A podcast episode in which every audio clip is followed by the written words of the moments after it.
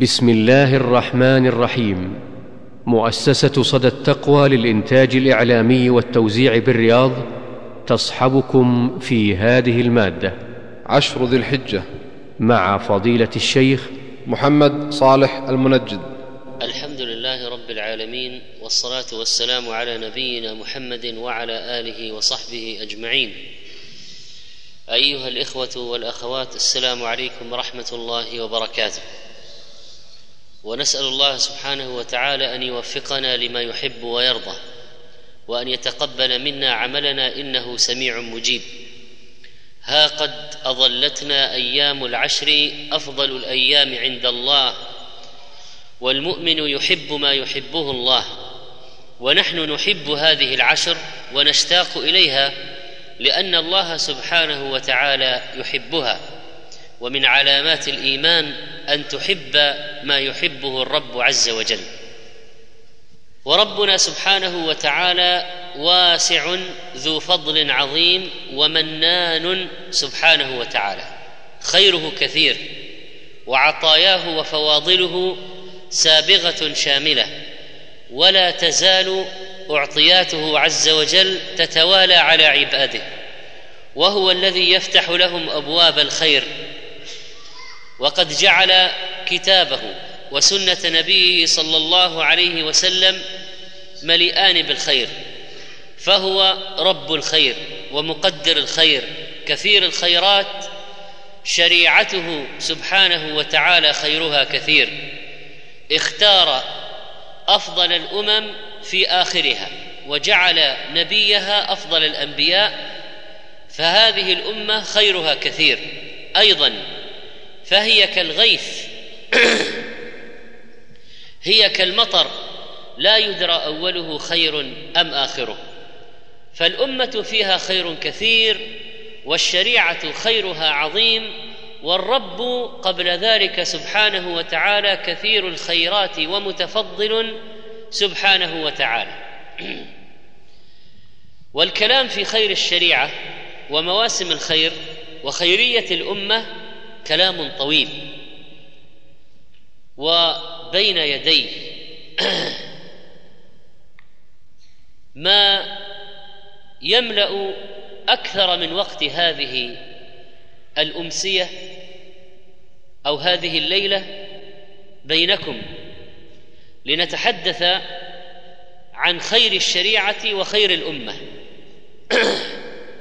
وكيف يوافق خير الأمة خير الشريعة. وخيرية هذه الأمة التي نشأت من خيرية هذا الدين وخيرية هذه الشريعة التي نزلت من كثير الخيرات رب البريات سبحانه وتعالى. ونظرا لطول هذا الموضوع فلنتحدث عن جانبه الأول في هذه الليلة بمناسبة هذه الأيام العشر وسنتحدث عن جانبه الآخر بمشيئة الله تعالى في الدرس القادم.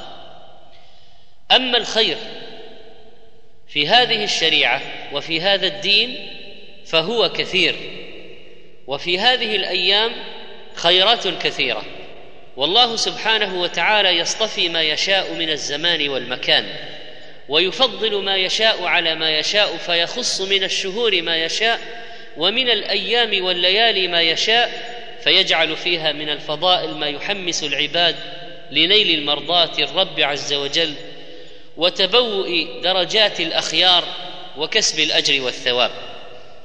إن هذا الخير العظيم يعوضهم في نقص أعمارهم بالنسبة للأمم المتقدمة وكذلك فإنه يوظفهم ويملأ أوقاتهم بما يرضيه سبحانه وتعالى. والتعرض لنفحات الله في هذه الأيام العظيمة من ما يصيب الإنسان بسعادة فرب نفحة أصابتك جعلتك إلى آخر دهرك سعيدا وبعد مماتك مسرورا بما تلقاه من الرب تعالى من الخير الكثير في ثوابه وجزائه. ونحن مسلمون نعبد ربنا حتى يأتينا اليقين. نحن أيها الإخوة في هذه الأيام أيام الخيرات ومواسم الطاعات التي جاء النص بفضلها ما من أيام العمل الصالح فيهن أحب إلى الله منه في هذه الأيام العشر. قالوا ولا الجهاد في سبيل الله؟ قال ولا الجهاد في سبيل الله إلا رجل خرج بنفسه وماله ولم يرجع من ذلك بشيء. فما من أيام ما من عمل أزكى عند الله عز وجل ولا أعظم أجرا من خير يعمله في عشر الأضحى. قيل ولا الجهاد في سبيل الله؟ قال ولا الجهاد في سبيل الله إلا خر إلا رجل خرج بنفسه وماله فلم يرجع من ذلك بشيء. فإذا هذه النصوص العظيمة التي تدل على فضل هذه الأيام وملء هذه الأيام بالطاعات. لقد نشأت خيريتها من أمور كثيرة وأدلة التفضيل أيضا في القسم في قوله تعالى والفجر وليال عشر وقد قال المفسرون إنها عشر ذي الحجة وقال ابن كثير هو الصحيح ثانيا أن النص فيها على أنها أفضل الأيام قد جاء عن النبي صلى الله عليه وسلم. وثالثا أننا أمرنا فيها بكثرة التسبيح والتحميد والتكبير كما جاء عن عبد الله بن عمر رضي الله عنهما ما من أيام أعظم عند الله هذا عن النبي صلى الله عليه وسلم ولا أحب إليه العمل فيهن من هذه الأيام العشر فاكثروا فيهن من التهليل والتكبير والتحميد. والتكبير بالذات فيه فضل خاص ونشره في إحياء سنة عظيمة. وكذلك فإن في هذه الأيام من الخير يوم عرفة وهو اليوم المشهود الذي يكفر آثام سنتين وفيه أيضا وفيها أيضا يوم الحج الأكبر الذي يجتمع فيه من الطاعات والعبادات ما لا يجتمع من في غيره ففيه الإحرام بهما أي الحج والعمرة وفيه كذلك وقوع ففي يوم الحج الأكبر بعد أيام العشر التي وقع فيها ما وقع من إحرام الناس في يوم العاشر فيه من فيه من الطواف والسعي والرمي والذبح والحلق وغير ذلك من العبادات ما لا يجتمع في غيره فلذلك هو أفضلها أفضل أيام العشر وقد جاء ذلك بالنص. وفي هذه أيضا وفيها العاشر الأضحية وهي الشعيرة العظيمة. إن هذه الأيام أيام الخيرات تملأ بالطاعات والبركات. وهذه الطاعات والبركات متعددة متنوعة. وإن كان منها ما هو معلوم معروف لنا كالصلاة والصيام والزكاة والدعاء والتوبة والاستغفار والذكر والصدقة فإن فيها أيضا من ما يشجع العباد على العمل فيها وفي غيرها خيرات عظيمة جدا. فيا ترى كيف نحمس أنفسنا لفعل الخيرات في أيام الخير هذه؟ إنها نماذج من خير هذا الدين العظيم. وإذا كنا على مستوى خيرية الأمة فإننا سنقوم بفعل الخيرات وسوف نأتي بما استحبه لنا ربنا سبحانه وتعالى.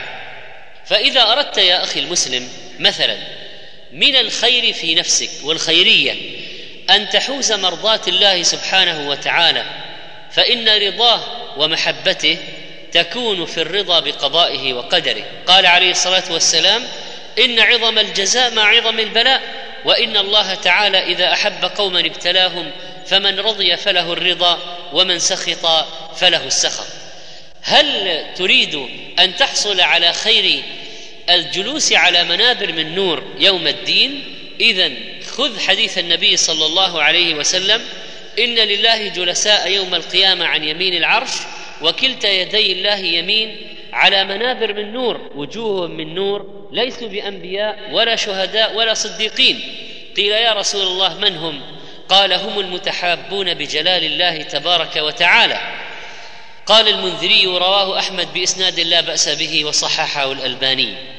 وأيضا فإن النبي صلى الله عليه وسلم قد أخبرنا أن الذين يعدلون في أهليهم وما ولاهم الله عليه فإنهم سيكونون عن منابر من نور يوم الدين. وإذا أردت مرافقة الأنبياء والصالحين فإن النبي صلى الله عليه وسلم قد بين أن جاره شخص عال جاريتين. من عال جاريتين سواء كانت ابنتين أو أختين أو غير ذلك حتى تبلغا جاء يوم القيامة أنا وهو وضم أصابعه. وقوله صلى الله عليه وسلم أنا وكافل اليتيم في الجنة هكذا وأشار بالسبابة والوسطى وفرج بينهما. إن هذه المجاورة تكون بكفالة اليتيم وهذا يتضمن أن تجعله مع أولادك وأن يكون تحت إشرافك وأن تقوم بتربيته وأن تنفق عليه لأن الكفالة أعظم وأعم من قضية النفقة. فإنها تشمل التربية أيضا. وإذا أردت القرب منه عليه الصلاة والسلام يوم الدين فحسن الخلق فإنه عليه الصلاة والسلام قال إن من أحبكم إلي وأقربكم مني مجلسا يوم القيامة أحسنكم اخلاقا اذا المسألة فيها حسن وأحسن.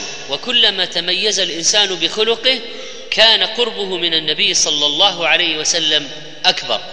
وإذا كنت تحرص على الخير في مغفرة الذنب وتكفير الخطايا فإن لها أشياء كثيرة.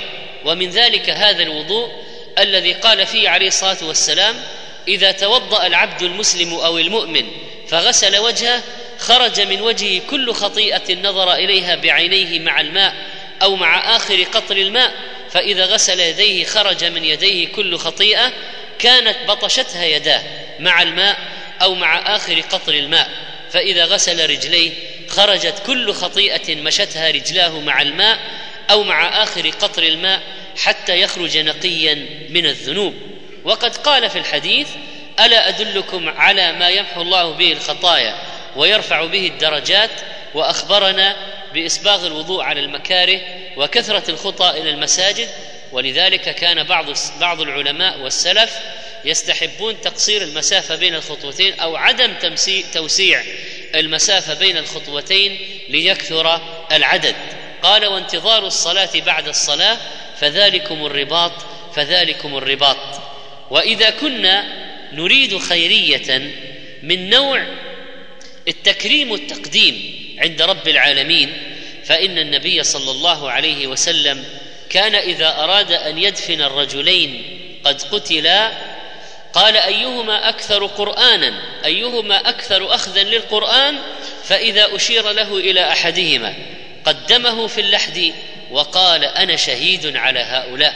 فاذا الأحفظ للقرآن يقدم في الدفن عند التزاحم وعند قلة القبور ووجود الجراحات أو ما يعيق الدفن كما تراه اليوم في هذه الزلازل والفيضانات التي قتلت الآلاف المؤلفة. فإذا أردنا أن ندفنهم في القبور الجماعية وكان لدينا عدد من الأموات في حفرة كبيرة فماذا نفعل؟ ولا يتهيأ أن يدفن كل واحد في قبر مستقل كما هو الأصل. الجواب نقدم أفضلهم. وأكثرهم اخذا للقرآن يدخل في القبر اولا. وإذا كنت من الذين يبحثون عن الخير الذين يبحثون عن الخير في هداية الله سبحانه وتعالى فإن الأخذ بالقرآن هو هذا. كما قال صلى الله عليه وسلم أبشروا فإن هذا القرآن طرفه بيد الله وطرفه بأيديكم. فتمسكوا به فإنكم لن تهلكوا ولن تضلوا بعده أبدا.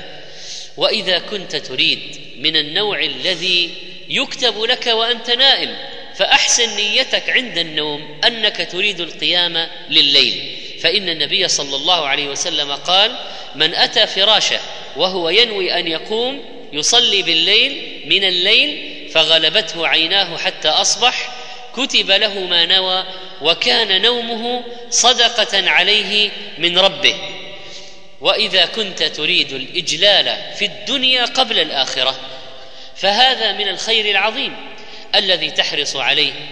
فقد قال صلى الله عليه وسلم إن من إجلال الله إكرام ذي الشيبة المسلم وحامل القرآن غير الغالي فيه والجافي عنه. فاذا الإجلال لحامل القرآن الذي يعمل به دون غلو ولا إفراط ولا تفريط. وكذلك فإن من الخير العظيم رفعة المنزلة في الجنة وإنها مرتبطة بهذا الحفظ الذي يقوم به هؤلاء الإخوة والأخوات باستمرار. وقد قال عليه الصلاة والسلام يقال لقارئ القرآن ارق اقرأ وارق ورتل كما كنت ترتل في الدنيا فإن منزلتك عند آخر آية تقرأها. وإذا كنت تريد خيرا عظيما بشهادة من النبي صلى الله عليه وسلم فإنه قد قال واعلموا أن خير أعمالكم الصلاة فهذه خيرية. خير أعمالكم الصلاة ولن يحافظ على الوضوء إلا المؤمن. وبهذه المناسبة فإن ذكر بعض أنواع هذه الصلوات يعين كثيرا على شغل الوقت بها خصوصا ونحن في هذه الأيام المباركة التي نريد أن نستفيد منها في طاعات المولى سبحانه وتعالى. فاعلم يا أخي المسلم أن الصلاة عموما جنس الصلاة عظيم. أعظم الأركان العملية. قال الصلاة خير موضوع. الصلاة خير موضوع. فإذا من شاء أن يستقل ومن شاء أن يستكثر. والفرائض قبل النوافل. أسألك مرافقتك في الجنة. قال أو غير ذلك؟ قلت هو ذاك. قال فعني على نفسك بكثرة السجود. والنبي صلى الله عليه وسلم قد حثنا على صلاة الجماعة وذكر لنا ما فيها من الأجر. وأخبرنا أن من صلى لله أربعين يوما في جماعة يدرك التكبيرة الأولى كتبت له براءتان براءة من النار وبراءة من النفاق وهذه شهادة خير عظيمة.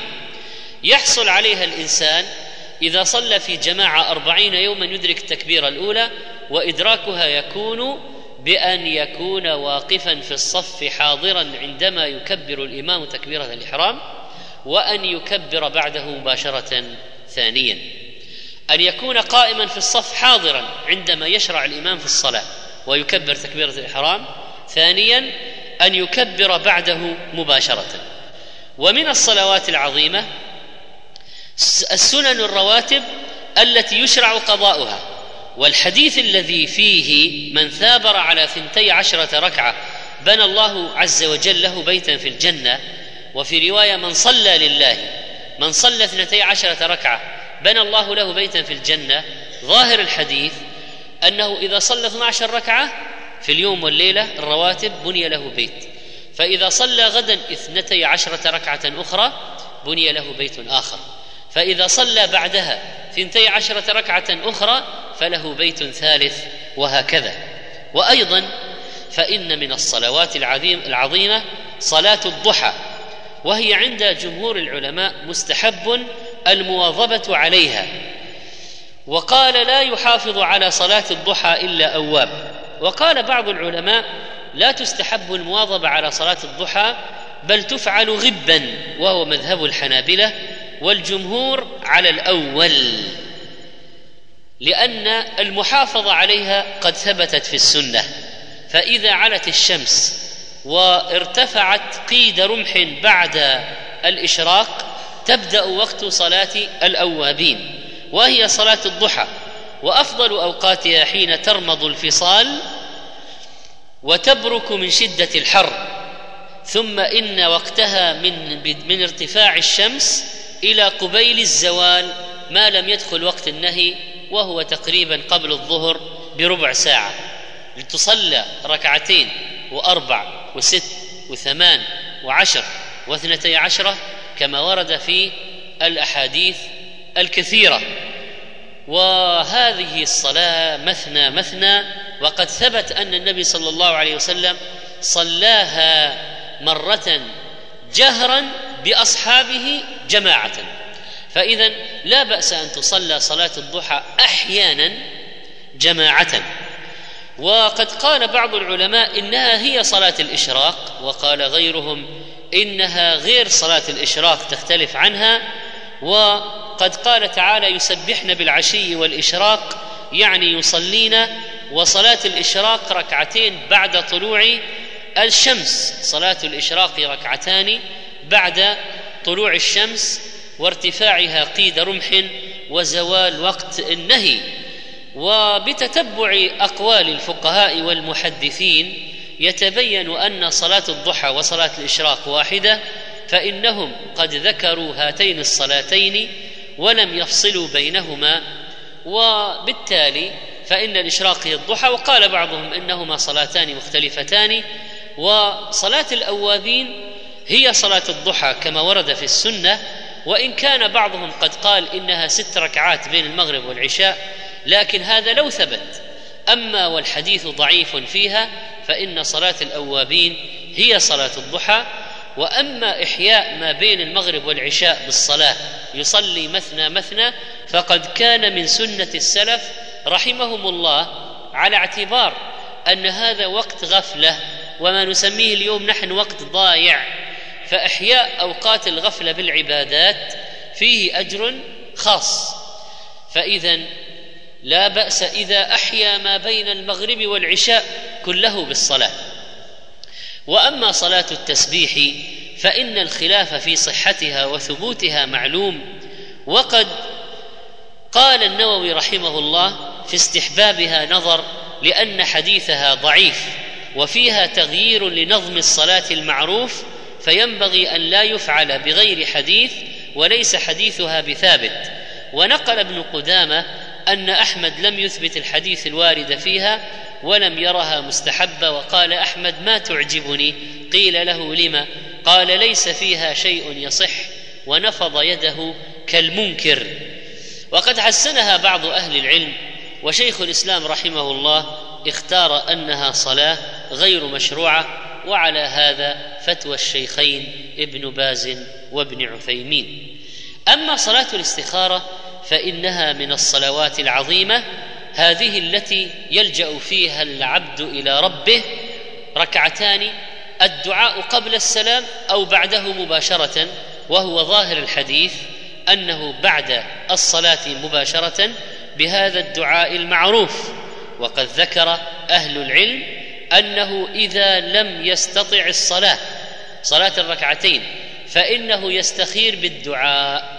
وكم صادفتنا أحوال لا كنا غير قادرين أو يصعب علينا أن نصلي ركعتين ولا بد أن نختار شيئا فعلى الأقل تقول هذا الدعاء ثم تقدم على ما يظهر لك رجحانه. وأما قيام الليل تلك العبادة العظيمة فإنها دأب الصالحين قبلنا ومرضاة لربنا ومطرده للداء عن الجسد إنها منهاة عن الإثم وقربة إلى الله. كما ذكر النبي صلى الله عليه وسلم فوائدها. عليكم بصلاة الليل فإنها دأب الصالحين قبلكم وقربة إلى ربكم ومكفرة للسيئات أو مكفرة للسيئات ومنهاة عن الإثم.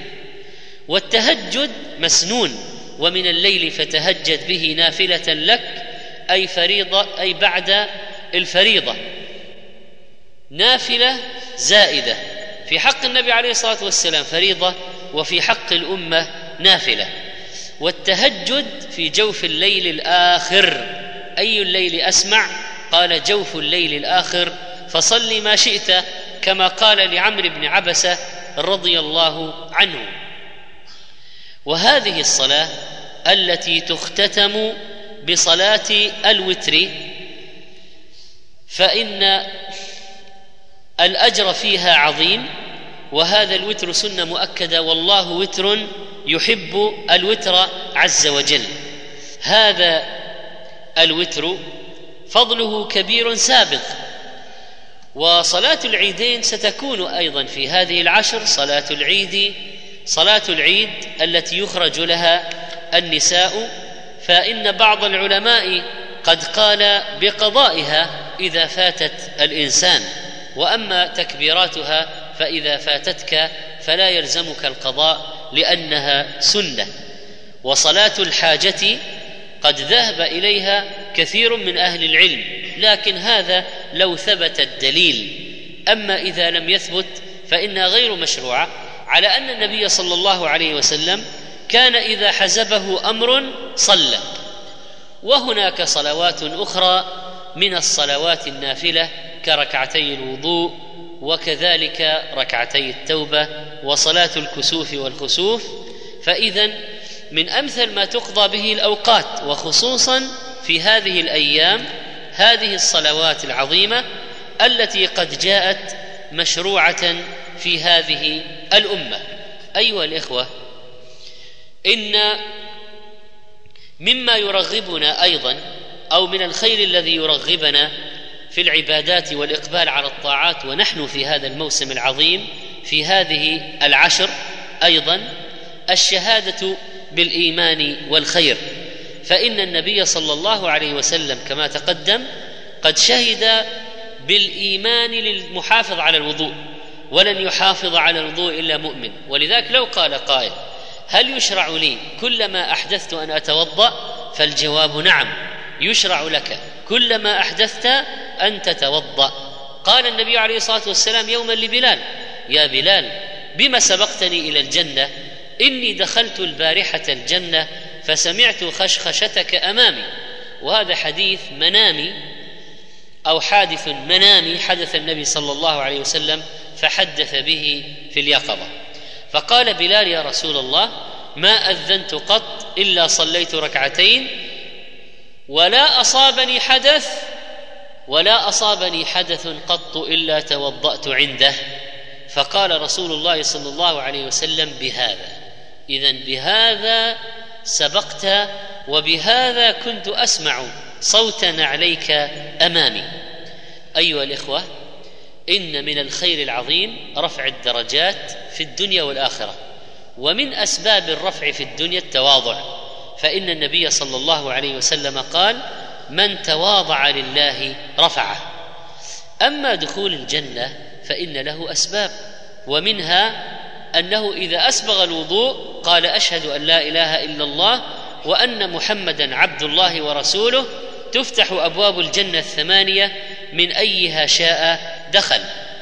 وأما الخير العظيم بنيل شفاعة محمد صلى الله عليه وسلم فإنه قد قال لنا إذا سمعتم المؤذن فيقولوا مثل ما يقول ثم صلوا عليه فإنه من صلى علي صلاة صلى الله عليه بها عشرا ثم سلوا الله لي الوسيلة فإنها منزلة في الجنة لا تنبغي إلا لعبد من عباد الله وأرجو أن أكون أنا هو فمن سأل لي الوسيلة حلت له الشفاعة. وإن من الخير أن يستجاب دعاؤك وأنت في هذه العشر أيضا تحرص على الدعاء عند النداء وبين الأذانين وأيضا عند نزول المطر وفي غير ذلك من أوقات الإجابة. وأما زيادة العمر وبسط الرزق فإنه خير ولا شك ينال بمثل وصل الرحم التي أخبر النبي صلى الله عليه وسلم عن فضل من وصلها بذلك. وتنفيس الكربات بتنفيس كربات المؤمنين وتيسير ما عسر بتيسيره على المؤمنين والستر الأخروي يوم يعرى الناس بسترهم في الدنيا. لأنه قال ومن ستر مسلما ستره الله في الدنيا والآخرة ويشمل ذلك ستر المستخفي بذنبه. ستر المستخفي بذنبه فإنك تستره ولا تفضحه. أما المجاهر بذنبه فليس له حرمة. أيها الإخوة قد يندم الإنسان على بيعة أو شيء اشتراه فإن إقالته في هذه البيعة مما يقيل الله به العثرات يوم القيامة وما أكثرها يوم الدين يوم الكربات قال عليه الصلاة والسلام من أقال مسلما بيعته أقاله الله عثرته يوم القيامة. وقال من سره أن ينجيه الله من كرب يوم القيامة فلينفس عن معسر. إن من الخير. أن يحصل لك نظرة في الوجه. أن يصبح وجهك نضرا إنك تنال ذلك بأداء الحديث النبوي بأمانة. وقد قال عليه الصلاة والسلام نضر الله امرا سمع منا شيئا فبلغه كما سمعه فرب مبلغ أوعى من سامع. وقال نضر الله عبدا سمع مقالتي فحفظها ووعاها وبلغها من لم يسمعها. رب حامل فقه إلى من هو أفقه منه. رب حامل فقه ليس بفقيه. اذا لو قال قائل هؤلاء الشباب الذين يحفظون الأحاديث اليوم ماذا لهم؟ ما هو أجر حفظ الأحاديث؟ حفظ الأحاديث من حفظ الدين نعم لكن من الخير العظيم أن يحصل له نضره الوجه. نضر الله عبدا سمع مقالتي فحفظها ووعاها وبلغها من لم يسمعها. ففيه فضل الحفظ وعي الحديث وتبليغه لمن لا يعلمه. تبليغ الحديث لمن لا يعلمه. فليبشر هؤلاء الحفظه للأحاديث وليبشر هؤلاء الذين يقرؤونها على الناس في مجامعهم كالمساجد وغيرها. يا أيها الخطيب املأ خطبتك بالنصوص الشرعية. يا أيها يا أيها المحاضر املأها بالأحاديث النبوية. يا أيها الكاتب دبج مقالتك واجعلها عطرة منيرة بنور هذه الأحاديث الشريفة النبوية. نضر الله عبدا وهذا الحديث فيه فضل عظيم لأهل الحديث الذين نقلوا إلينا أحاديثه عليه الصلاة والسلام. إن من أسباب مغفرة الذنوب السالفة يوم سيقدم علينا إن شاء الله نسأل الله أن يبلغنا وهو يوم عرفة. صيامه لغير الحاج فضله يكفر ما سلف سنة وما سيأتي. إنه خلع للذنوب وخروج منها. وقد يطمع الإنسان في خير عظيم وفي أجر متوال وكثير فليعلم بأن حبس الأشياء في سبيل الله من احتبس فرسا في سبيل الله ايمانا بالله وتصديقا بوعده كان شبعه وريه وروثه وبوله حسنات في ميزانه يوم القيامة. وقد يطمع في مئة حسنة فقتل وزغة من أول ضربة فيه مئة حسنة. أو يطمع بحسنات كعدد الأشخاص فمن استغفر للمؤمنين والمؤمنات قال الملك ولك بمثل وكتب الله له بكل مؤمن ومؤمنة حسنة. ومن أراد حسنات كأمثال الجبال فإن في اتباع الجنازة إلى دفنها حسن كالجبل وفي الصلاة عليها حسن كالجبل. كما أن في اتخاذ الكلب أن أن ينقص كل يوم من أجره قيراط. ففرق بين قيراط فرق بين قيراط أجر يزاد وقيراط أجر ينقص. أما المضاعفة فإنها كثيرة في الإنفاق وغيره وتكفير السيئات ولو كانت مثل زبد البحر. هذا مفعول الأذكار التي جاء الحث عليها كما في هذه العشر التسبيح والتهميد والتحميد والتكبير. ومن قال سبحان الله وبحمده في يوم مئة مرة حطت خطاياه وإن كانت مثل زبد البحر. وإذا كان الإنسان يخشى من حر يوم الدين فأراد إضلالا من يوم الموقف فإن من أنظر معسرا أو وضع عنه في الدين تأخير أو إنقاص بعض الحق والتنازل عنه يجعله الله تعالى في ظله يوم لا ظل إلا ظله. والحرز من الشيطان بأذكار معلومة وسور معلومة والعصمة من الفتن بآيات معلومة عشر الكهف في أولها وأيضا المعافاة من الابتلاء. في مثل حديث من رأى مبتلى فقال الحمد لله الذي عافاني ما ابتلاك به وفضلني على كثير ممن خلق تفضيلا لم يصبه ذلك البلاء. وأما حراسة الله ورعايته وحفظه وكلاءته لعبده فتكون في مثل صلاة الفجر جماعة. فإن من صلاها فهو في ذمة الله وحسابه على الله. والمؤمنون يريدون استغفارا من الملائكة الذين لا يعصون الله فكيف تكون إجابة دعائهم عند ربهم؟ عظيمة. فاطلب العلم وادعو إلى الخير وعلمه للناس. وقد قال عليه الصلاة والسلام معلم الخير يستغفر له كل شيء حتى الحيتان في البحر. وادعو لأخيك بظهر الغيب. وإذا أردت أن تحصل خيرا قد فات في هذا الزمان كعتق الرقاب الذي فيه أجر عظيم لكل من أعتق رقبه أن يغفر الله له يعتق بكل عضو منه عضوا من المعتق. يعتقه من ماذا؟ من النار. فتقول اليوم كيف أنال هذا؟ من طاف بالبيت سبعا وصلى ركعتين كان كعتق رقبة. من قال لا إله إلا الله وحده لا شريك له الملك وله الحمد وهو على كل شيء قدير عشرا كان كمن أعتق رقبة من ولد إسماعيل. وهذه رقبة نفيسة هذه رقبة نفيسة. والإنسان يمكن أن يحصل على أجور لم يتعب فيها مثل من دعا إلى هدى كان له من الأجر مثل أجور من اتبعه. من علم علما فله أجر من عمل به. من سأل الله الشهادة صادقا بلغه الله منازل الشهداء وإن مات على فراشه. من فطر صائما فله مثل أجره. والدخول في أصحاب الألقاب الشريفة خير عظيم. من قام بمئة آية كتب من القانتين. ومن قام بألف آية كتب من المقنطرين. وإذا أردت أن يصلي الله عليك صل على نبيه صلى الله عليه وسلم. والصلاة عليه عشرا في الصباح وعشرا في المساء من الأذكار العظيمة.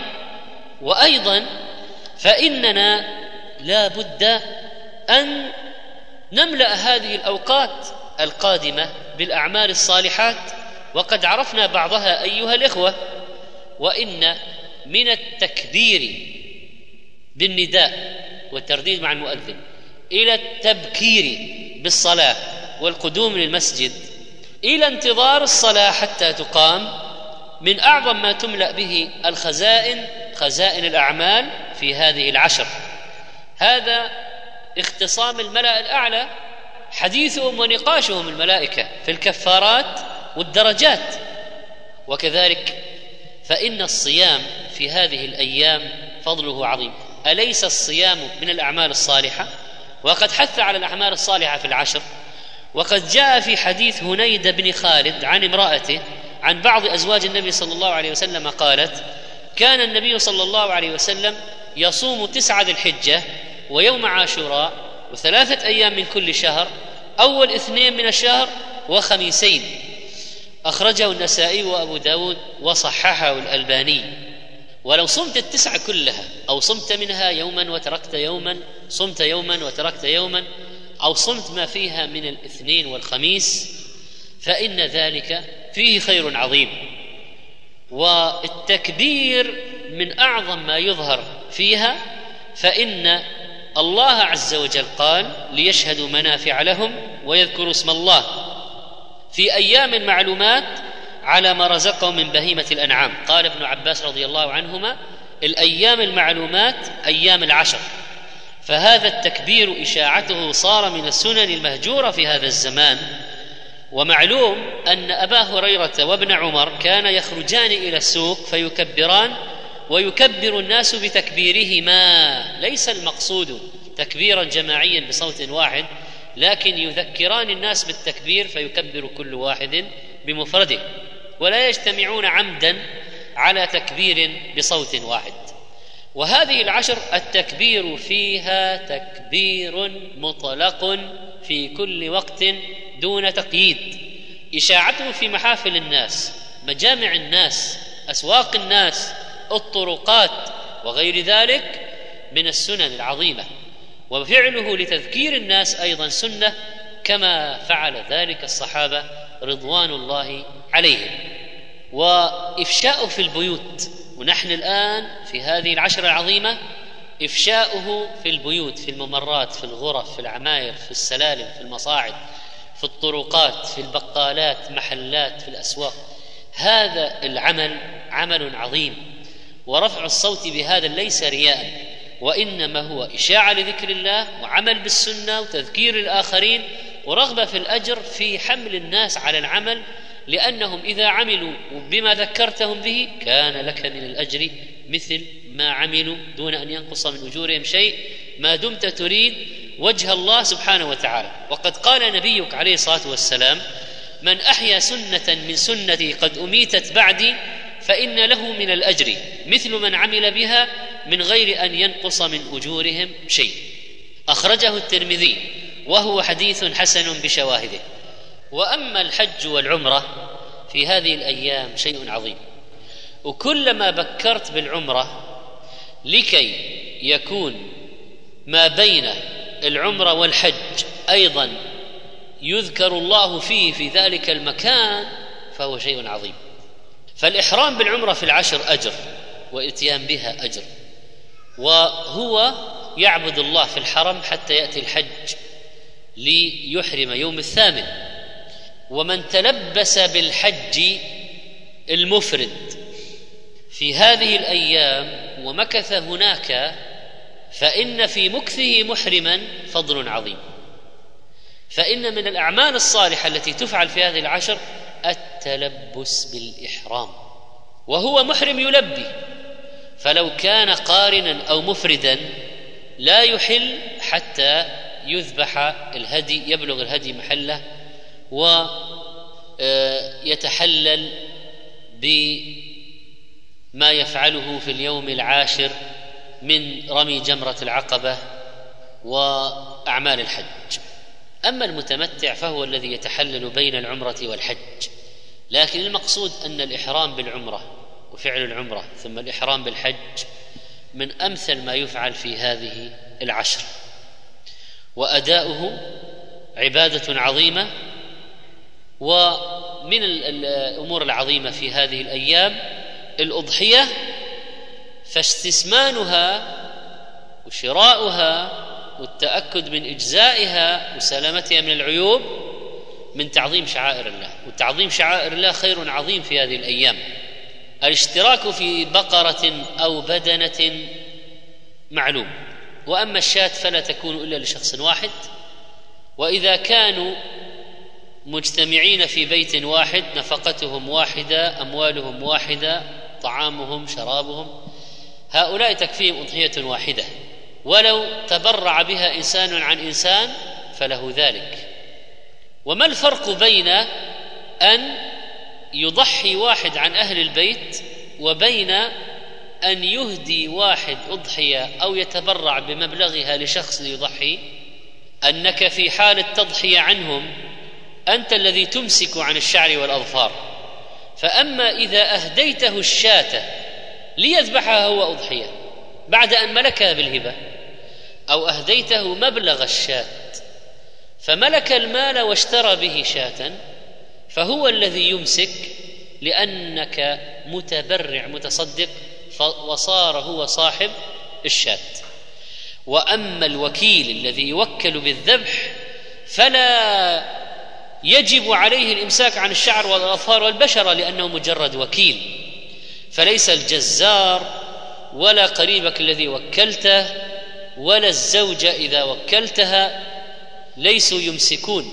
أنت الذي تمسك لأنك صاحب الأضحية أنت الذي بذلت المال. فإذا باذل المال هو الذي يمسك. إذا رأيتم هلال ذي الحجة وأراد أحدكم أن يضحي فليمسك عن شعره وأظفاره حتى يضحي. وفي رواية فلا يمس من شعره وبشرته شيئا. أخرجه مسلم من أربعة طرق. وهذا أمر للوجوب ونهي للتحريم على أرجح الأقوال لأنه أمر مطلق ونهي مجرد لا صارف له. ولكن لو تعمد فأخذ لا تبطل أضحيته لكن عليه أن يستغفر الله سبحانه وتعالى.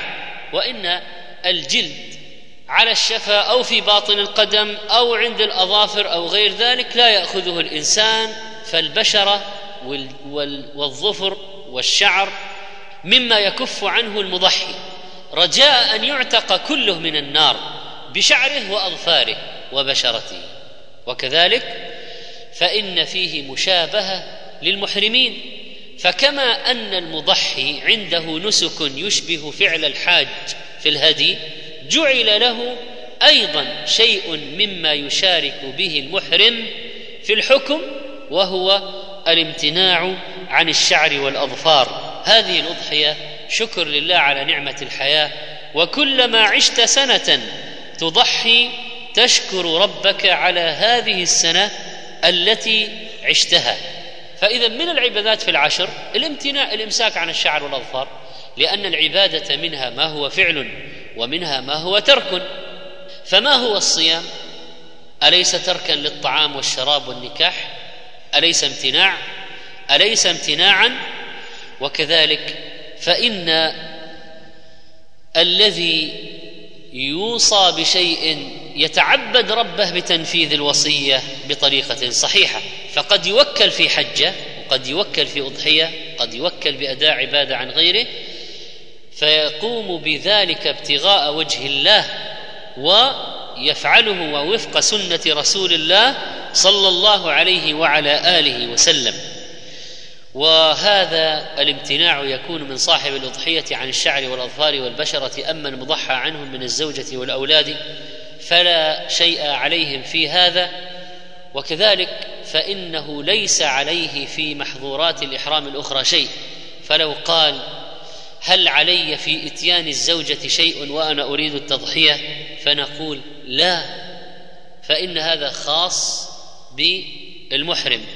أنت هذا الذي يجب عليك الامتناع عنه فقط فليس عليه إذا حرج في مس الطيب ولا في لبس المخيط يعني المضحي.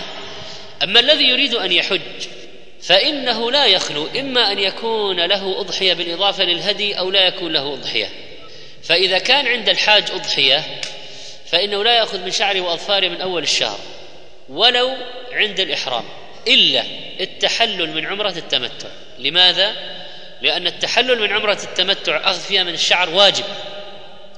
والامتناع عن الشعر في الأضحية فعل الامتناع عن محظور ومراعاة فعل واجب يقدم على مراعاة الواجب يقدم على مراعاة المحظور. فهذا واجب الأخذ منها في التحلل من العمرة. والامتناع عن الشعر في الأضحية امتناع عن محظور فيقدم ويراعى الواجب في هذه الحالة. طيب الحاج الذي عنده أضحية متى يحلق شعره يوم العاشر؟ إذا ذبحت أضحيته أو إذا ذبح هديه. اعلموا أن ذبح الهدي لا علاقة له بالتحلل لا الأكبر ولا الأصغر.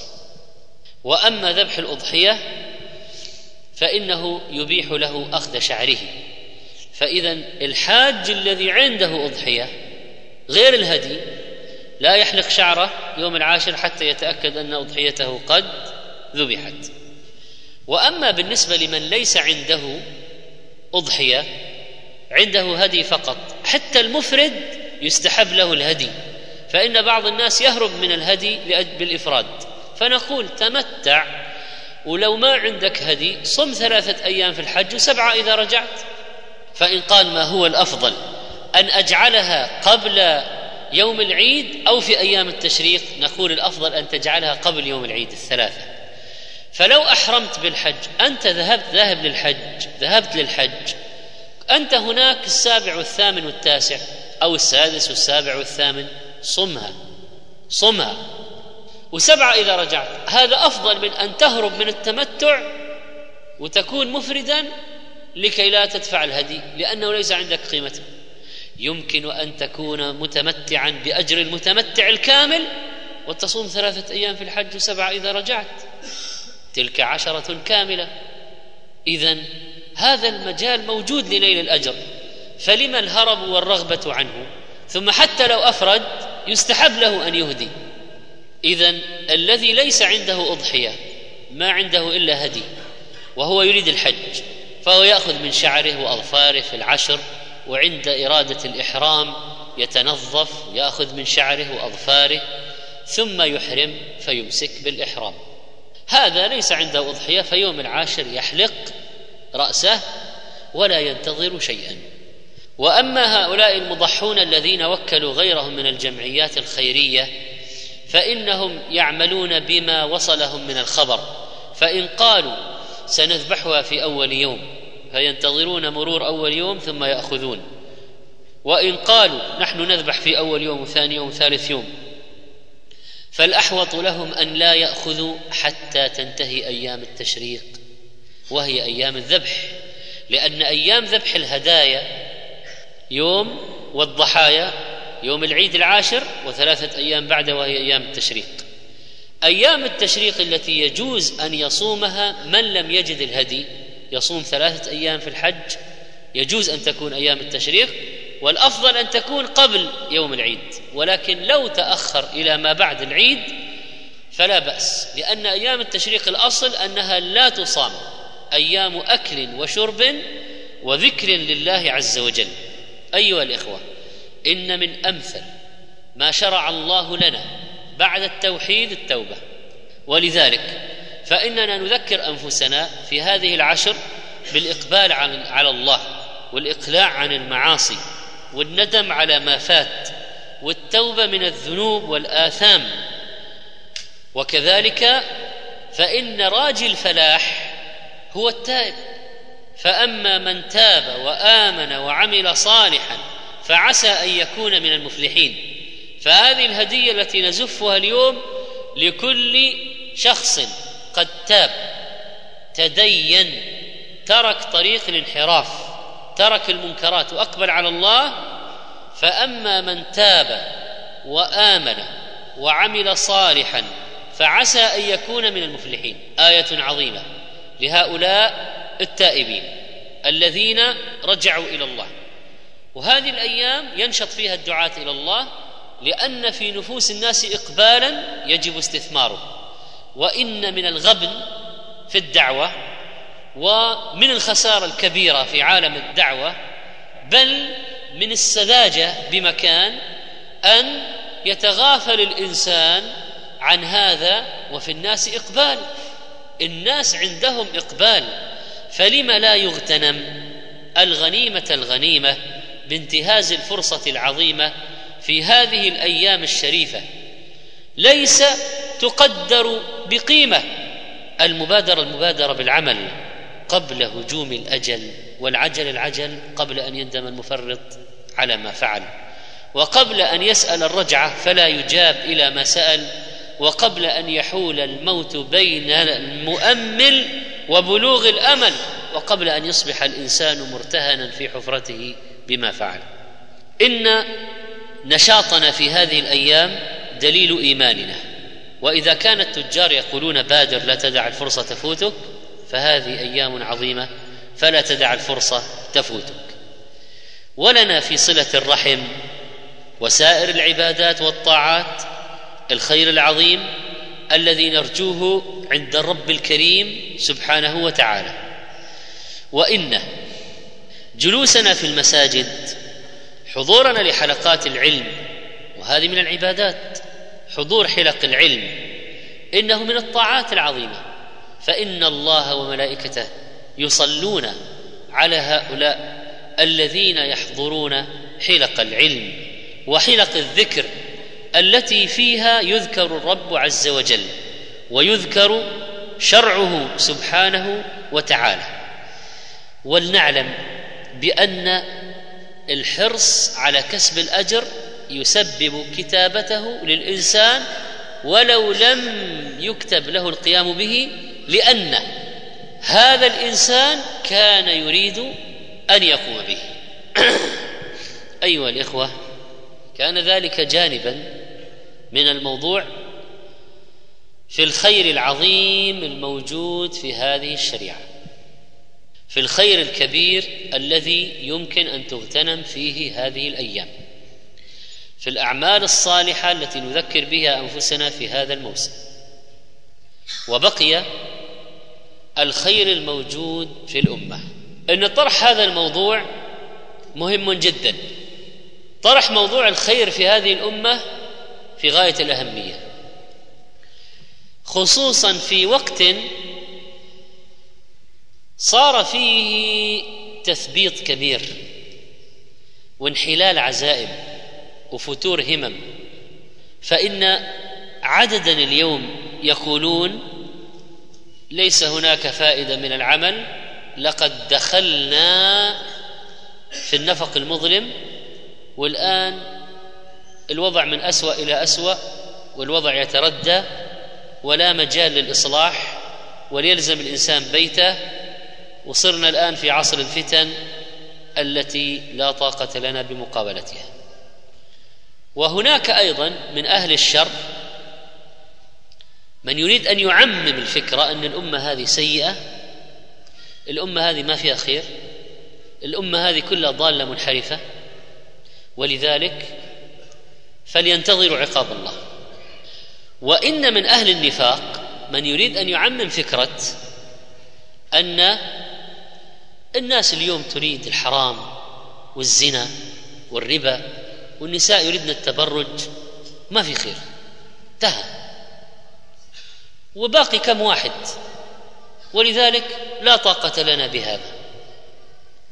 فلنقعد.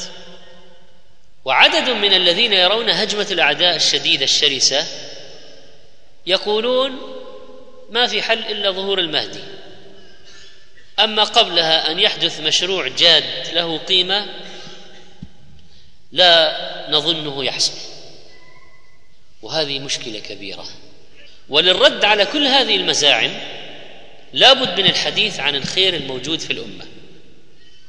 ولعلكم تكتبون لنا الآن بعضا من هذه النماذج الحية الموجودة الآن من الخير الذي في الأمة سواء كان مظهرا من المظاهر أو قصة من القصص التي تدل على ذلك. و الموضوع هذا مهم للأخيار كما أنه أيضا فيه رد لشراسة الهجمة القادمة من الأشرار. وفيه إحياء للأمل وبعث ذلك في النفوس. وهذه الأمة هي خير أمة أخرجت للناس. ولم يجعل الله فيها شرا مطبقا إلا عندما يرفع كتابه من الأرض ويأذن بخروج الحبش الذي يهدم بيته. فعند ذلك يحدث الشر المطبق. قبل ذلك والله الذي لا إله إلا هو لا يكون ولا يحدث في هذه الأمة شر مطبق ابدا. ولا بد أن يوجد فيها خير لا بد أن يوجد فيها خير. لكن الآن ناس من المثبطين يقعدون بنا وآخرون يريدون تعميم هذه النظرة حتى نصاب باليأس. لأنه ماذا سيحدث في نفسك عندما يقال الشر مستط... الشر منتشر الناس من أسوأ إلى أسوأ وأوضاع الدين إلى انحلال آه، الموضوع خرج عن السيطرة لا فائدة من الدعوة القنوات الفضائية تهدم والمنكرات عامة والناس أصحاب شهوات والأهواء منتشرة وأهل البدعة أطلعوا قرونهم وأظهروها والأعداء مسيطرون ومطبقون وقد غزونا في ديارنا ولا أمل والنتيجه إثارة الإحباط. إن إطباق أجواء الإحباط علينا أشد من الأعداء. ولذلك جاء الكلام عن هذا الموضوع الخير الذي في الأمة. وكان الاهتمام بذكر خيرية هذه الأمة ومظاهر الخيرية في هذه الأمة بما يبعث الأمل في النفوس. لقد قال بعض أهل العلم ان ما مر على الأمة في القرن الثالث من قيام دول الباطنية من القرامطة والعبيديين والبويهيين والفاطميين والحمدانيين وغيرهم هو أسوأ من الآن بكثير. وقال أيضا عدد من الذين سبروا التاريخ هذه الأمة. إنما مر على الأمة في بعض السنوات التي غزا التتار فيها بلاد العالم الإسلامي. أو الحملات الصليبية ما هو أسوأ من الآن. بل إننا لا نبالغ إذا قلنا إن وضع الأمة في القرن الثامن عشر والتاسع عشر الميلادي من الناحية الشرعية والعلمية أسوأ من الآن. وأن الآن الوضع العلمي للأمة والعقدي أحسن من القرن الثامن عشر والتاسع عشر الميلادي.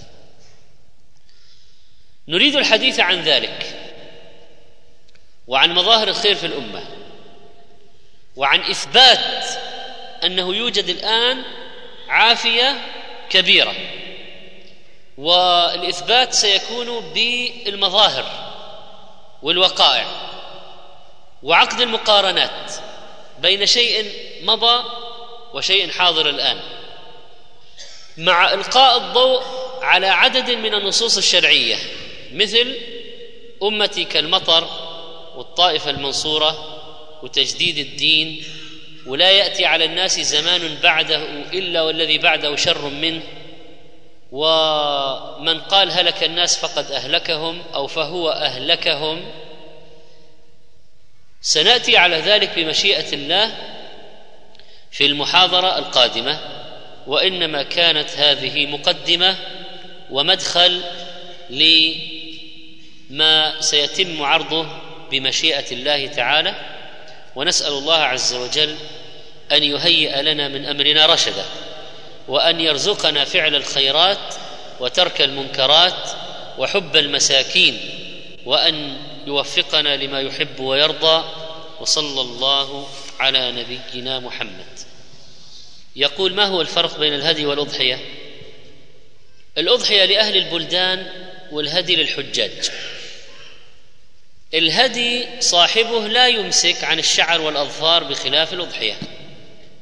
الهدي لا علاقة له بالتحلل بخلاف الأضحية التي ينفك في مسألة حظر الأخذ من الشعر والأظفار ينفك عنها. آه الهدي أيضا إذا ما قدر عليه فإنه يصوم ثلاثة أيام في الحج سبعة إذا رجع الأضحية إذا ما قدر عليها ما عليه شيء. الهدي يمكن أن يرسله المقيم إلى البيت الحرام. وهذه سنة مهجورة. قليل جدا من يعرفها. قليل جدا من يعرف أن المقيم في البلد ممكن يرسل هدي يذبح في الحرم. وهو في البلد. وهو في بلده يذبح هديا هناك يقسم وهناك يذبح. من الفروق بين الهدي والأضحية إن الهدي لابد يذبح في الحرم. فلا يمكن ذبح الهدي خارج الحرم لكن الاضحيه تذبح خارج الحرم خارج منطقة الحرم. فاذا الهدي لابد أن يذبح الهدي داخل منطقة الحرم. يقول هل يجوز الصوم قبل الإحرام بالحج؟ قبل الإحرام بالحج ثلاثة أيام حيث أني أريد أن أحج متمتعا. إذا ذهبت إلى هناك واعتمرت عمرة التمتع وتحللت صم الأيام الثلاثة لا حرج. هب أنك ذهبت الآن للعمرة عمرة التمتع وتحللت من عمرة التمتع. مثلا ذهبت يوم أربعة ذي الحجة واعتمرت ومكثت هناك. ممكن تصوم خمسة وستة وسبعة ستة وسبعة وثمانية نعم ممكن. ويكون صيامك ثلاثة أيام في الحج وسبعة إذا رجعت. هل يشترط في صيام ثلاثة أيام المتمتع أن يكون الصائم محرما؟ لا لا يشترط ذلك. فقلت لكم لو عمل عمرة التمتع وتحلل ثم صام ثلاثة أيام وهو غير محرم فإن ذلك مجزئ كاف. أنا شاب ملتزم قبل سنة حفظت خمسة أجزاء من القرآن وحصل لي وساوس وشكوك أثرت علي وتوقفت عن الحفظ. كلا يا أخي لا تتوقف عن الحفظ أبدا. لا تتوقف عن الحفظ. الشكوك يمكن علاجها. تعوذ بالله من الشيطان تستعيذ بالله من الشيطان الرجيم. تقول آمنت بالله ورسله تقرأ سورة قل هو الله أحد. انتهي. اطرد ما جاء في بالك وانشغل بشيء مفيد آخر. أريد أن أضح أقص أظفاري وسيضحي عني إخواني أبي وإخواني أو سيضحي أبي عني وعن إخواني. لك أن تقص الشعر والأظفار. طبعا بعض الناس يعني عندهم مشكلة كبير يعني يكبرون. عند يعني قضية الشعر والأظفار يعني تاخذ منحى عجيب. يعني مثلا ممكن ياخذ من شعر والاظفار يوم 27 ذي القعدة و 28 ذي القعدة و 29 ذي القعدة. يجي على اليوم الذي هو ليلة واحد ذي الحجة ويسأل يقول أبغى أخذ من شعر أظهر وأحيانا خلص خلص ثلاثين ذي القعدة. وهذه ليلة واحد دخل يقول أبغى أتزين الآن. طيب أين يعني لماذا تأجيل الموضوع إلى الوقت الحرج وفي آخر لحظة يريد الإنسان أن يتحرك؟ أصلا هو عادة يأخذ من الشعر والأظفار ويمكن يمكث عليها أسبوع وعشر أيام أسبوعين وأربعين يوم في الشعب فلماذا يعني قضية تأخير هذا حتى يضيق الوقت جدا ثم الآن يعني عنده صارت القضية الآن الآن يريد أن يأخذ من شعر أطفال ثم الأخذ من شعر الأظفار وإن كان لا يبطل الأضحية لكنه منهي عنه. فالعجب أن بعض الناس يقول أنا ما بضحي ليه؟ قال لأني ما أبغى يعني أنا أبغى أخذ من الشعر. لا يا أخي يعني مثل يقول أنا أريد أن أحلق لحيتي. وما أبغى أضحي طيب إذا كنت حالقها حالقها. يعني أجي أضحي. طيب إن الحسنات يذهبن السيئات. وبعض الناس يقول أنا خلص ما ما ما عندي مشكلة في الشعر. ليش؟ قال أنا آه، وكلت زوجتي هي تضحي. كل هذا فرارا. يا أخي هي عشرة أيام. عشرة أيام. ثم استعداد للعبادة. يعني أنت الآن تحبس نفسك عن الشعر والظفار. استعدادا لذبح الأضحية. يعني موسى لما ذهب لميقات ربه أربعين يوم حتى يأخذ التوراة جلس عند الطور يعبد الله استعدادا لتكليم الله ويأخذ التوراة. فيعني إذا استعنى جلست أنت عشر أيام الآن تستعد لذبح الأضحية وأنت على إمساك عن الشعر والأظفار. يعني هذه صارت قضية كثيرة وكبيرة ولا تطاق ولا يمكن تحملها ولازم مخرج ونوكل ولا نلغي مشروع الأضحية من يعني بعض الناس عندهم يعني آه، قضية عندهم هذه قضية غريبة يعني. وهم أصلا يمكن تاركين أنفسهم عن الشعر والأظفار قبل ذلك عشرين يوم وخمسة عشر يوم و... لكن لما تجي تأتي هذه قضية تعظم ويفع يعني تترك العبادة من أجلها و... فإذا وتظهر يعني أحيانا ورع مريض يعني فيها المسألة ورع فاسد أحيانا. فيمكن يجي يقول حكيت راسي طلع شعر مسيت اللحية طلع شعرة وهو مرتكب كبائر هو مرتكب كبائر. فأين الميزان يعني؟ كيف تفعل هذا. يا أخي أنت إذا إذا إذا أمر أمررت بيدك على لحيتك بدون تقطيع وبدون شد وبدون مررت غسلت وجهك في الوضوء فسقطت شعره طيب هذه شعرة ميتة بصلة الشعر ماتت فالشعرة هي متعلقة بالشعر الآخر لكنها شعرة ميتة يعني مجرد ما تمسح بيدك على الشعر تنزل. ما عليك حرج؟ شعر ميت أصلا ماتت هكذا يعني هاك بقدر الله. ولم يكن في ذلك أي فعل منك.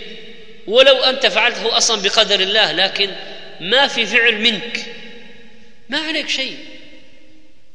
يقول أنوي الحج والأضحية ستكون بها زوجتي وأولادي. اذا أنت صاحب الأضحية لأنك أنت دفعت الثمن. فلذلك إذا وصلت هناك اتصل بهم في يوم العاشر ذبحت الأضحية قالوا نعم احلق رأسك. الآن الجوالات والاتصالات تسهل الموضوع. يلاحظ هذه الأيام إقدام بعض الشباب الذين نحسبهم على خير بالإقدام على تقصير اللحى حتى تكاد تكون في حكم الظاهرة ولا ندري ما هي الأسباب. اذا نحن لابد أن نعظم السنة في قلوبنا. يعني وفروا اللحى أرجوا اللحى أرخوا اللحى خالفوا المشركين أعفوا يعني وفروا أرخوا أرجوا أعفوا أو كلها تدل على الترك والتكثير ما هو الضابط في متابعة الإمام؟ إذا انقطع التكبير إذا قال انتهت الراء الله أكبر انتهت الراء أنت تتحرك. هل ليالي العشر أفضل من ليلة القدر؟ لا. أيام العشر أفضل من أيام السنة حتى رمضان. أما الليالي فليالي العشر الأخيرة من رمضان أفضل لوجود ليلة القدر فيها.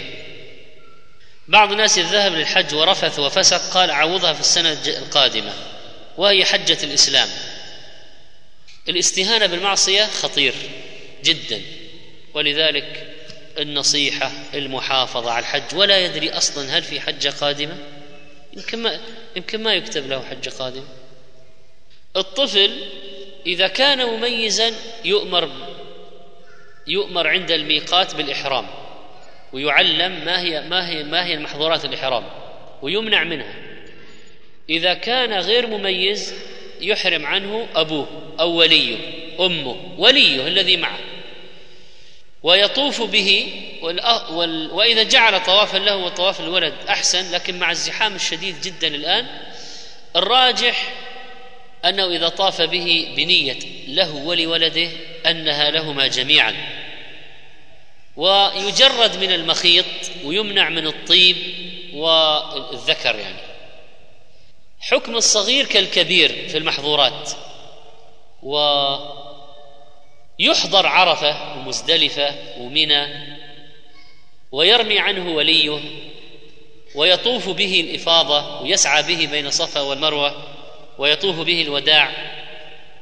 ولذلك فإن أجر الحج للولد وأجر التربية والدلالة والتسبب في الحج للأب أو للولي الذي اصطحبه. أجر الحج للولد وهذا تسبب فيه فله أجر ذلك. ما حكم الاعتكاف في هذه الأيام؟ لا بأس إذا صام يعتكف خروجا من خلاف لأن بعضهم يشترط الصوم للاعتكاف. أنا ساكن أنا الآن هنا في البلد هل يمكن أن يضحي في مصر؟ يعني إذا كان لك أهل هناك فأرسلت إليهم بقيمه الأضحية ليذبحوها هناك وهم يستفيدوا منها لا بأس هذا طيب. ما هي السنن بالنسبة لي؟ أن تذبحها طبعا بعد ما تستسمنها وتستطيبها وتختارها تنتقيها وموافقة للسن الشرعي مجزئة ست أشهر من الضأن سنة من المعز فأكثر.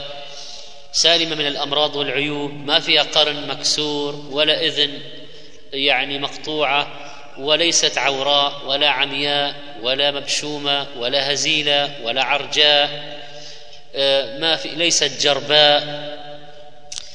آه، ما سليمة من العيوب سمينة آه، تختارها على السن الشرعي. النبي صلى الله عليه وسلم ذبح بكبش أملح كان قد ذبح كبشا يبرك في سواد وينظر في سواد ويطأ في سواد يعني ما حول قدميه أسود وما حول ركبتيه أسود وما حول عينيه أسود. وقال دم عفراء أفضل عند الله من دم سوداوين. معناه أن اللون هذا الأبيض الأغبر المغبر الأبيض الذي خالطه شيء أفضل من الذي هو أسود كله مع أن هذا يجزئ وهذا يجزئ. فإذا إذا اخترتها ثم ذبحتها بيدك بتطبيق شروط الذكاة وآداب الذبح قد كسبت أجرا أو شهدت ذبحها وتسمي وعني وعن آل بيتي يدخل فيهم الأحياء والأموات ثم تأكل منها. هذه سنة تأكل من أضحيتك. وتهدي وتتصدق. يعني هذا ممكن أحيانا يفوت بعض منه إذا أعطيته لغيرك. ولذلك فإن الحرص على أن يذبح الشخص أضحيته هذه عبادة عظيمة. ما رأيك بقلب المرزان في الشماغ للشاب الملتزم؟ إذا كان في الإمارات العربية المتحدة لا بأس. خلاص أصلا هذا السؤال ذكره يعني يغني عن عن الإجابة عنه. إذا كان ورد في السنة قلب المرزام قلبنا محو المرزام محينا. ولذلك العلماء إخوان لما قالوا يجري يجري في اللباس على عادة أهل بلده كلام مهم لأجل أن لا تحدث الشهرة لا تحدث الشهرة. فقد يكون عادة أهل بلده في مرزا في ناس عادة أهل بلده ما في مرزا ليس عادة بلده في مرزا مقلوب. هي مسألة عادة أهل بلد يجري فيها على عادة أهل بلد في بلد مثل عمامة عمان السودان عمايم ناس عمامة. لو يلبس عمامة في مكان ثاني يصير شكل غريب جدا يرفع الناس إليه أبصارهم. هل يحرم صوم التاسع للحاج؟ لا يحرم لكن الأفضل أن لا يصوم عملا بالسنة ولأجل أن يستعين بالنشاط على يوم عرفة على أعمال يوم عرفة. إذا أصاب الحامل شيء من التعب أو النزيف أو المرض ماذا تفعل؟ وماذا تختار من الأنساك؟ يعني إذا خشيت من عدم القدرة على التمتع تحج مفردة. تحج مفردة لا حرج. هل الزلزال الذي حدث في صومطرة هو الخسف الذي جاء في أشراط الساعة؟ لا يظهر هذا. الخسف غيره ترى الخسف في الأرض انشقاقها وذهاب بعضها تحت بعض. تنفتح. خسف قد تبلع مدن. أريد مجاهدة نفسي على طول القيام. وهناك حديث إن الله لا يمل حتى تملوا إذا إذا وصلت إلى درجة الملل الذي الذي يقعد بك عن العمل فهذا ليس بصحيح. تترك عند ذلك تتوقف لكن أنت تجاهد الملل لكي تطيل في العبادة دون أن يؤدي ذلك بك إلى أن تترك العمل فهذا لا بأس به. اذا الملل مللان. ملل يقعد عن يقعد يقعد بك عن العبادة. خلاص الإنسان يصل الدرجة لا يطيق ويترك العبادة كلها. نقول إذا أوصلت نفسك لهذه الدرجة أنت مخطئ. وهناك ملل يعتري الإنسان لكن إذا جاهده يندفع. ملل يعتري الإنسان إذا جاهده يندفع. فهذا يجاهد طيب ماذا بالنسبة للأشخاص الذين في مخيم هاء ما وجدوا أماكن أخرى مرتفعة الأسعار في ألف وباء وجيم؟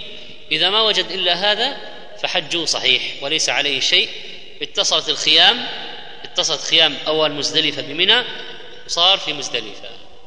صار خارج منى لعدم القدرة فليس عليه شيء حجه كامل. هل يمكن أن يعتمر عن نفسه ويحج عن ميت؟ نعم لا بأس بذلك. لكن إذا كان است... إذا كان استأجروه أو دفعوا له نفقة الحج ليحج تمتعا عن ميتهم فلا يجوز أن يجعل لنفسه شيئا لا عمرة ولا الحج. إذا قالوا نريدك تحج عن ميتنا حج تمتع إذا العمرة والحج للميت. أخذ مال للحج من الناس إذا تبرعوا له بالمال له أن يحج ولو حجة الفريضة ولكن ليس ملزما بقبوله حتى لو حجت الفريضة. فإن الإنسان لا يكلف بما يكون فيه للآخرين عليه منة. الشريعة ما تكلفك بأن يكون الآخرين عليك منة. اثنين إذا أعطوك لتحج عن ميتهم فتنوي الحج وليس المال. وإذا زاد منه شيء تعيده إليهم فإن سامحوك به أخذت عن طيب نفس. أما أن تتاجر فتقول كم تعطوني؟ ستة. الآن أبغى سبعة. وأنت يمكن يكفيك أربعة. إذا في ناس يتاجرون ويتكسبون. ولذلك فرق شيخ الإسلام تيمية رحمه الله بين من حج ليأخذ ومن يأخذ ليحج. أيهما المذموم الذي حج ليأخذ ولا الذي أخذ ليحج؟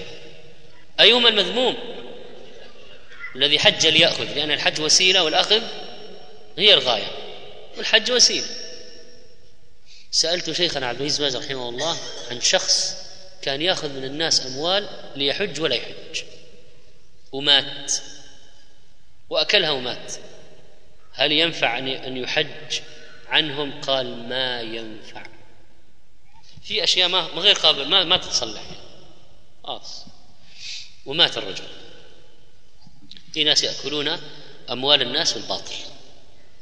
نسأل الله سبحانه وتعالى أن يتوب علينا وصلى الله وسلم على نبينا محمد. شكر الله لفضيلة الشيخ على ما قدم وجعله في موازين حسناته وإلى اللقاء مع شريط آخر. وتقبلوا تحيات إخوانكم في مؤسسة صدى التقوى للإنتاج بالرياض وتسجيلات التقوى الإسلامية. والسلام عليكم ورحمة الله وبركاته. بموجب فهرس تسجيلات التقوى فإن رقم هذا الشريط هو 14345